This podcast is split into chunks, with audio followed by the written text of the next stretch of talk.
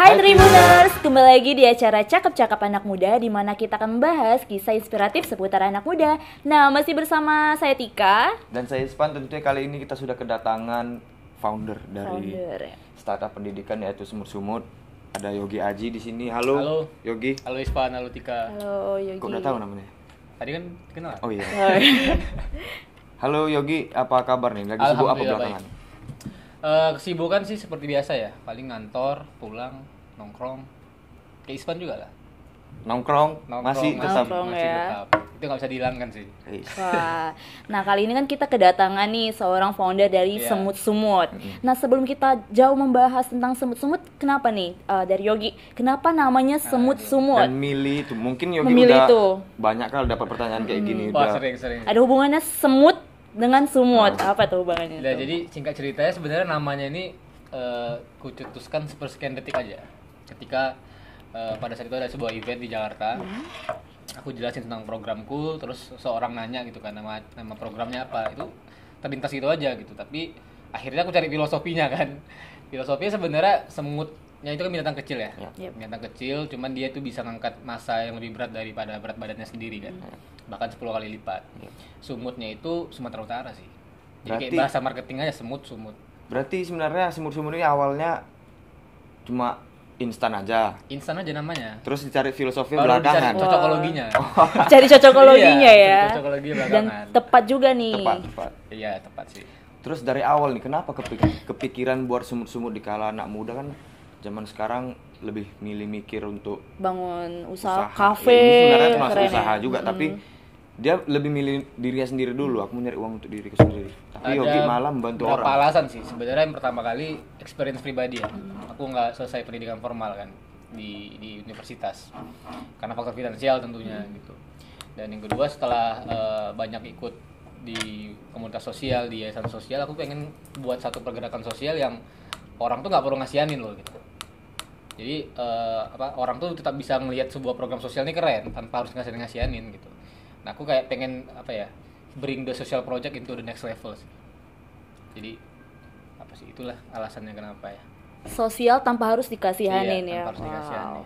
Nah ini semut-semut ini berdiri di tahun berapa ya? Tahun 2018 kita baru 2 tahun sih. 2018 2 tahun. Nah, boleh ceritain nih dari Yogi gimana sih awal-awal berintis dari Hmm. semut-semut ini gitu. Awalnya struggle ya pasti ya semua semua usaha kan pasti awal-awal itu berdarah-darah dulu ya. Tahun-tahun pertama itu kita eh, bahkan nggak punya duit sama sekali itu tuh. Jadi duit pribadi kita keluarkan dan kita sempat galang crowdfunding juga di salah satu platform online donasi. Eh, itu yang yang kemudian membiayai operasional kita kan. Nah, setelah berjalan enam bulan si donasi tadi kita putusin untuk kita nggak mau terima donasi lagi deh gitu. Kita mau fight di bisnisnya kita. Jadi kita eh, sebenarnya secara pergerakan itu kita ini sebuah social enterprise lebih tepatnya, di mana kita punya unit bisnis. Nah dari sebuah profit itu kita yang membiayai operasional sosialnya kita. Jadi ya eh, aku rasa sih wajar-wajar aja kemudian ketika tahun-tahun pertama itu semua bisnis pasti struggle ya. Tapi eh, alhamdulillah di tahun-tahun sekarang tahun kedua menjelang tahun ketiga nanti ya kita udah settle lah. Mudah-mudahan. Wow. Tapi aku lihat di apa ya situs sumut-sumut ya. Hmm. Sumut-sumut itu adalah ruang belajar gratis untuk anak putus sekolah. Iya. Itu masih tetap Masih tetap selain sekarang. social enterprise tadi. masih tetap sampai sekarang. Kita eh, produk utama itu kalau kita ditanya orang ya, produknya apa sih? Ya kita buka pendidikan gratis untuk anak-anak putus sekolah gitu. Nah di lain itu ketika orang-orang kan pasti ngelihat sosial nih, wah aku mau bantu lah gitu, aku kasihan nih, miris nih atau atau Nggak prihatin nih. nyumbang atau apa. Aku Beli nggak- aja jasa Iya, kami. nggak nggak terima donasi kalian gitu. Kalau misalnya kalian mau bantu ya kita bisnis to bisnis aja gitu. Oke. At the same time aku ngeberdayain anak-anakku yang udah belajar, uh, mereka dapat duit, kita dapat duit, ya kalian nggak perlu apa ya? Kami nggak perlu di bawah Iya. kalian lah, gitu. Kita tetap bisa satu level.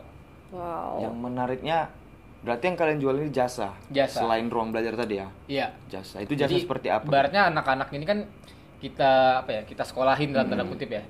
Kita buka dua kelas, ada kelas desain komunikasi visual sama kelas sinematografi. Hmm. Nah, let's say si A ini milih kelas desain komunikasi visual, dia belajar sama kita setahun. Mm-mm. Nah, setelah dia tamat dari kita, eh, kita bisa ngoper mereka ke company Atau- ke startup-startup eh, di Jakarta atau eh, anak-anak yang nggak punya identitas diri yang nggak lengkap. Contohnya nih, eh, di anak-anak murid kita banyak yang korban tsunami, Van. Eh, di Aceh, di Mentawai gitu kan, keluarganya udah udah nggak ada, sorry to say, dan Eh, even KTP aja mereka nggak punya gitu kan nah kita kan nggak bisa ngarapin eh, perusahaan-perusahaan mau terima mereka Iya Iya. benar. jadi eh, solusinya buat mereka adalah kita buka agensinya kita gitu. Kita buka jasa desain, jasa video, eh, segala macem. Ya udah mereka jadi talentnya. Mereka Wow. kita gaji di situ. Ini total udah ada berapa anak nih Yogi yang ada di semut-semut? Eh kalau tahun pertama kita dapat 50 anak. Wow, 50 anak. 50 anak. Kalau tahun kedua ini kita nggak sanggup banyak-banyak juga kan. Karena eh, apa ya? Murid-murid kan kita asramain. Mm-mm. Kita asramain di kantor kita eh, segala macam kebutuhan tuh kita penuhin. Bahkan murid-murid dari luar kota juga kita ongkosin ke Medan gitu. Jadi kita batasin sih kuantitasnya. Wah, ini berarti udah puluhan anak nih ya yang ada di semut-semut. Dan gimana awalnya untuk mengajak mereka tertarik nih gabung ke semut-semut? eh apa ya? Jadi sebenarnya kalau di kita tuh kita no bullshit no motivation sih. no kita nggak bullshit nggak pernah bilang ke murid-murid tuh, ayo kalian belajar eh, rajin segala macam biar pintar. Ya jujur aja aku dulu di sekolah bandel-bandel. Kita bandel-bandel dulu di sekolah kan ngapain kita sok-sok nge-sounding anak-anak murid kita untuk eh, belajar biar pintar ya aku bilang ke anak-anak kalau mau berduit ya kerja kerja yang layak gitu. Tapi sayangnya lu belum punya skill nih untuk kerja layak. Paling nggak kalau dulu ngelamar kerja di perusahaan lu cuma dikasih kain lap Ya. suruh ngelap-ngelap gitu kan. Nah kalau mau berduit mau berpenghasilan layak ya belajar dulu nih. Belajar desain kayak atau belajar video gitu kan. Jadi apa ya kita sentuh hal-hal yang membuat mereka iya ya realistis ya gitu. Mm-mm. ya alasan mereka kemudian untuk bisa menyemangati mereka biar mereka temukan sendiri aja. Berarti cuma nggak nggak terlalu sulit lah. nggak terlalu sulit sih mudah-mudahan. Jadi kayak misalnya anak-anak umur kita kan umurnya eh, 23, 22 gitu-gitu ya. Kita bilang ke mereka eh, empat atau lima tahun lagi kan kalian mau nikah. Kalian kan laki-laki mau nikah pakai apa gitu pengen punya motor nggak pengen punya handphone nggak pengen ya udah belajar dulu setelah belajar lu skill lu oke udah kita cari duitnya sama-sama gitu Semut sumut ini kan udah dua tahun nih. udah dua tahun Menurut Yogi di titik sekarang ini apa perasaan Yogi udah sampai di titik sekarang? Apakah udah Hmm. puas atau apa? gitu? eh apa ya jawaban jujur aku masih merasa kosongnya sebenarnya Kosong. masih merasa kosong Kenapa? Eh, apa ya kita itu udah kalau aku ngomongin penghargaan ya Mm. dari Medan kita udah pernah dapat dari Jakarta Kamboja Spanyol bahkan kita pernah gitu aku nge- ngerasa itu nggak ada aja gitu Kenapa? Kalau kenapa ya karena masih banyak sebenarnya hal-hal yang belum tercapai kalau seperti orang-orang orang-orang kan luar cuman ngelihatnya udah nih ada anak putus sekolah kalian didik kalian eh, cariin pekerjaan yang layak gitu udah kan habis Udah habis. habis. selesai. selesai.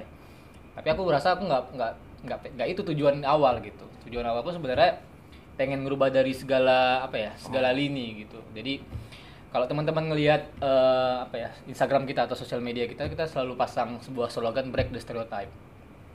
Nah kita pengen ngepecahin stereotip itu sih.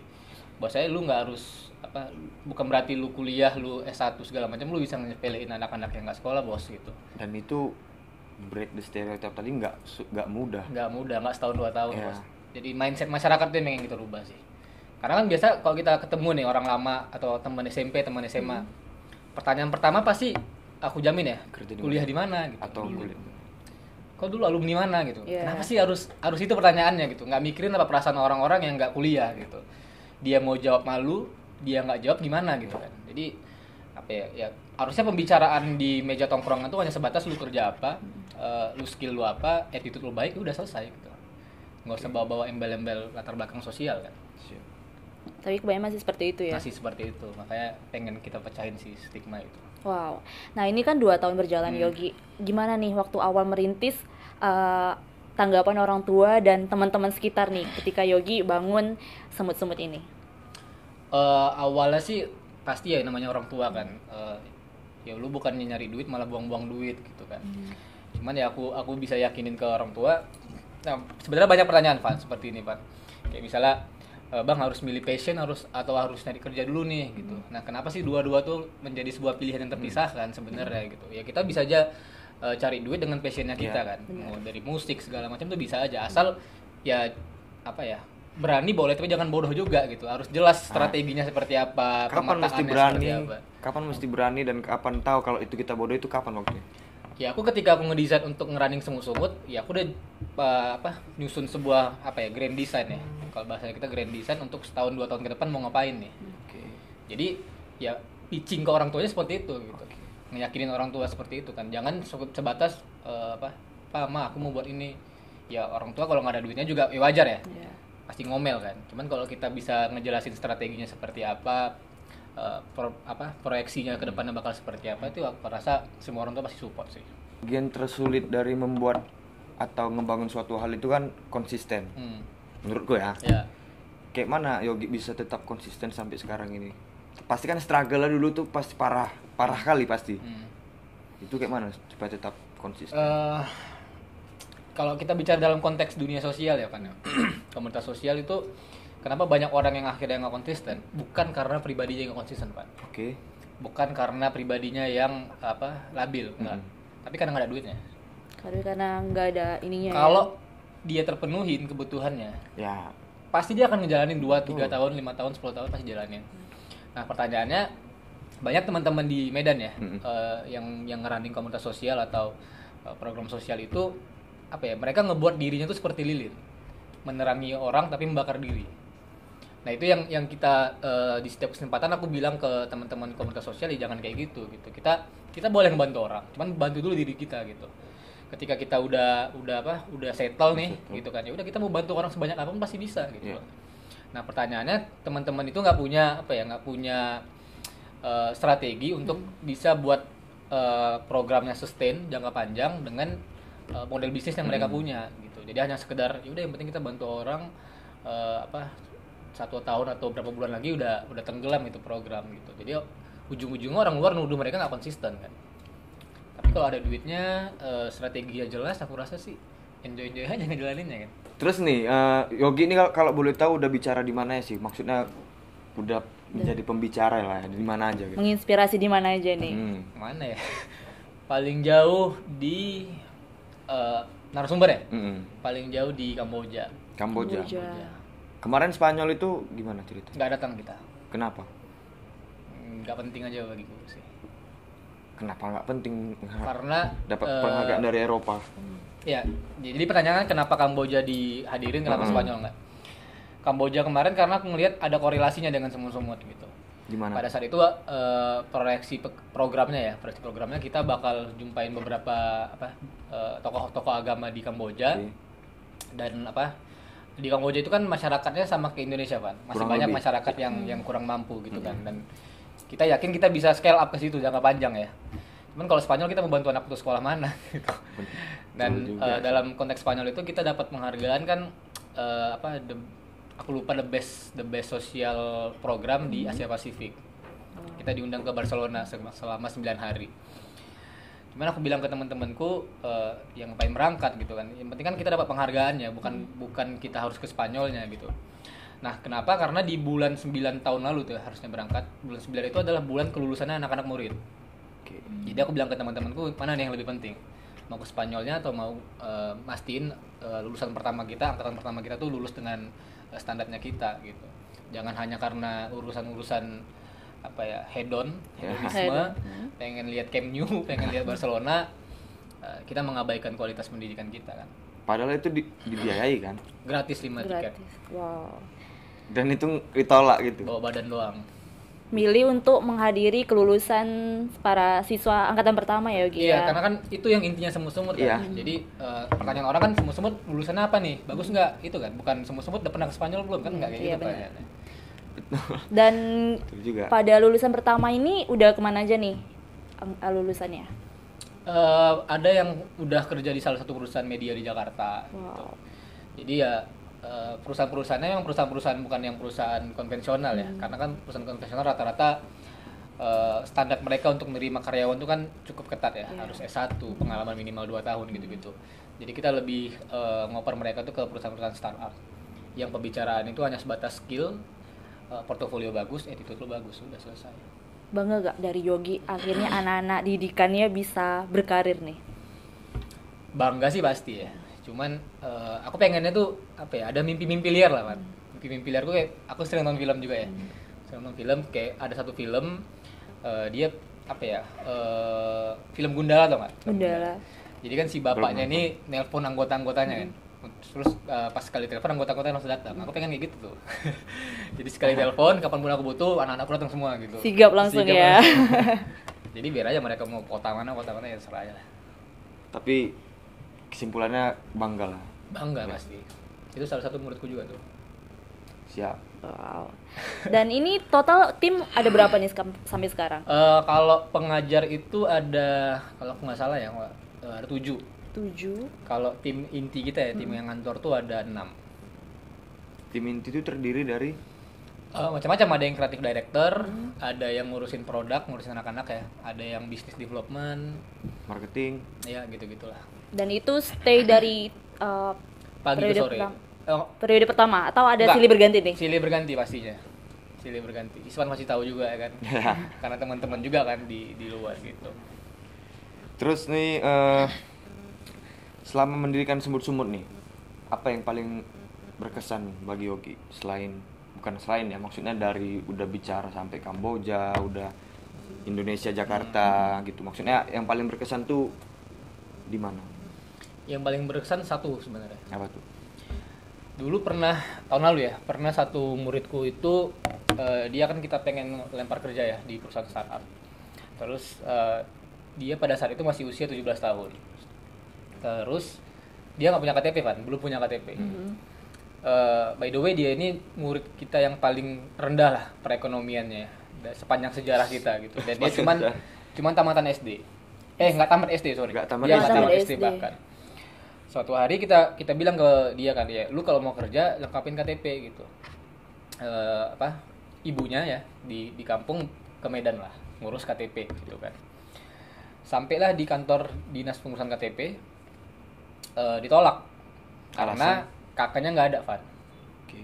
Kakaknya nggak ada. Memang nggak mampu lah untuk ngurus kakak pun nggak Iya. mampu gitu. Kakaknya nggak ada dan eh, pihak dinasnya minta ya udah minimal ijazah gitu. Si ibu ini bilang mana ada ijazah anakku SD aja nggak tamat nggak percaya orang dinas gitu.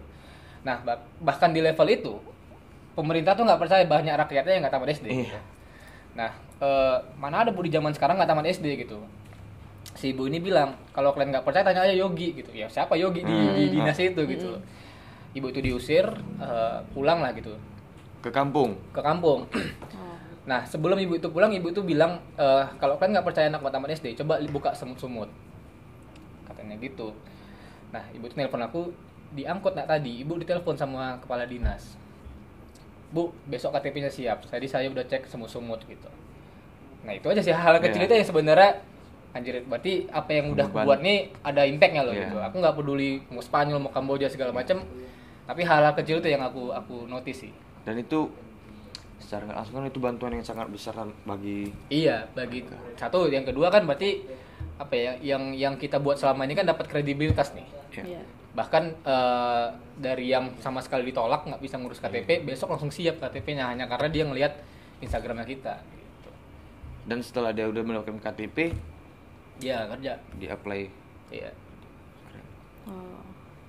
Nah kalau dari Yogi sendiri masih ada inget nggak kata-kata yang paling berkesan dari anak murid Yogi untuk Yogi atau untuk dari dari semut-semut untuk semut-semut. Jujur anak-anak muridku mende bandel sih. Wow, bandelnya kayak gimana Iya. tuh? Dan memang aku seneng ya yang kayak gitu-gitu ya. Aku nggak kalau ada muridku yang eh, apa terlalu cupu gitu, terlalu kutu buku, aku kadang marahin gitu. Ngapain sih belajar aja? Ya aku nggak suka juga gitu.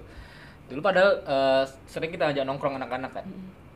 Eh, ada satu dua murid yang pastinya adalah eh, kutu buku gitu kan. Ya aku nggak suka gitu. Aku bilang nggak usah kayak gitu kali belajarnya, santai aja gitu. Nah kata-kata yang paling paling ngena tuh ketika kita eh, ulang tahun ya, ulang tahun semut-semut gitu kan. Jadi kita kan udah udah dua tahun dan di Agustus kemarin kita ulang tahun yang kedua. Itu ada satu anak muridku bilang ini anak murid yang paling bandel lah. Gitu. Jadi ketika dia apa ya, ketika dia mencoba eh, sedih, aku yakin itu natural karena selama ini dia chaos sekali boy gitu. Oh. Dia chaos sekali gitu dan dan bandel gitu kan dan di hari ulang tahun itu dia, dia ngucapin eh, apa eh, kayak terima kasih gitulah. Ya itu sih yang yang deep lah kan gitu. dan Karena dia selama ini dia bandel sungguh-sungguh iya. gitu. Dari hati. Wow. terus nih target semut-semut nih ke depan nih udah sekian banyak penghargaan terus apa lagi maunya Program-program project ke depannya nih. Eh, tadi aku barusan bahas di mobil sih sama anak muridku. Aku pengennya ke depannya semut-semut udah bubar boy. Sebenarnya. pengennya Iya, kita sepakat satu kantor tuh kita pengen semut-semut kita bubarin. gitu. itu kenapa Eh, terlalu naif sih memang. Cuman eh, kita nggak pengen ada terus-terusan anak putus sekolah di Indonesia. Gitu. Jadi selain teman-teman tahu di di pihak luar tahunya kita tuh apa buka ruang belajar gratis untuk anak-anak putus sekolah. Di balik itu sebenarnya kita grassroots kita jalan, boy. Jadi kita punya banyak eh, basis relawan di berbagai kota di Indonesia. Kita ngeriset, kita ngedorong sebenarnya pemerintah untuk buat satu regulasi tetap. Atau regulasi yang pasti dieksekusi dengan baik juga untuk bagaimana anak-anak di Indonesia itu nggak apa ya nggak bingung lagi kalau mau sekolah gitu. Minimal biasanya kan tamat SMA aja deh gitu. Wajib belajar 12 tahun eh, yang dijanjikan pemerintah itu harusnya dilaksanain gitu. Nah ketika itu sampai kan kita nggak punya market lagi. Iya. siapa lagi market kita gitu. Jadi eh, apa pengennya kita gitu sih nggak ada lagi anak putus sekolah eh, semua orang-orang itu udah udah bisa sekolah dengan dengan layak dengan berkualitas tinggi juga pastinya nah ketika kita nggak punya market lagi udah ngapain bubar aja lah Social enterprise-nya kita cari permasalahan yang lain dengan nama lain mungkin. iya 10 tahun 20 tahun ngurusin anak putus sekolah bosan juga kan Oke, nah ini kan semut-sumut udah tahun kedua di periode Iya. kedua nih. Kalau misalnya mau teman-teman lain mau ikut gabung ke Mm-mm. semut-sumut gimana nih?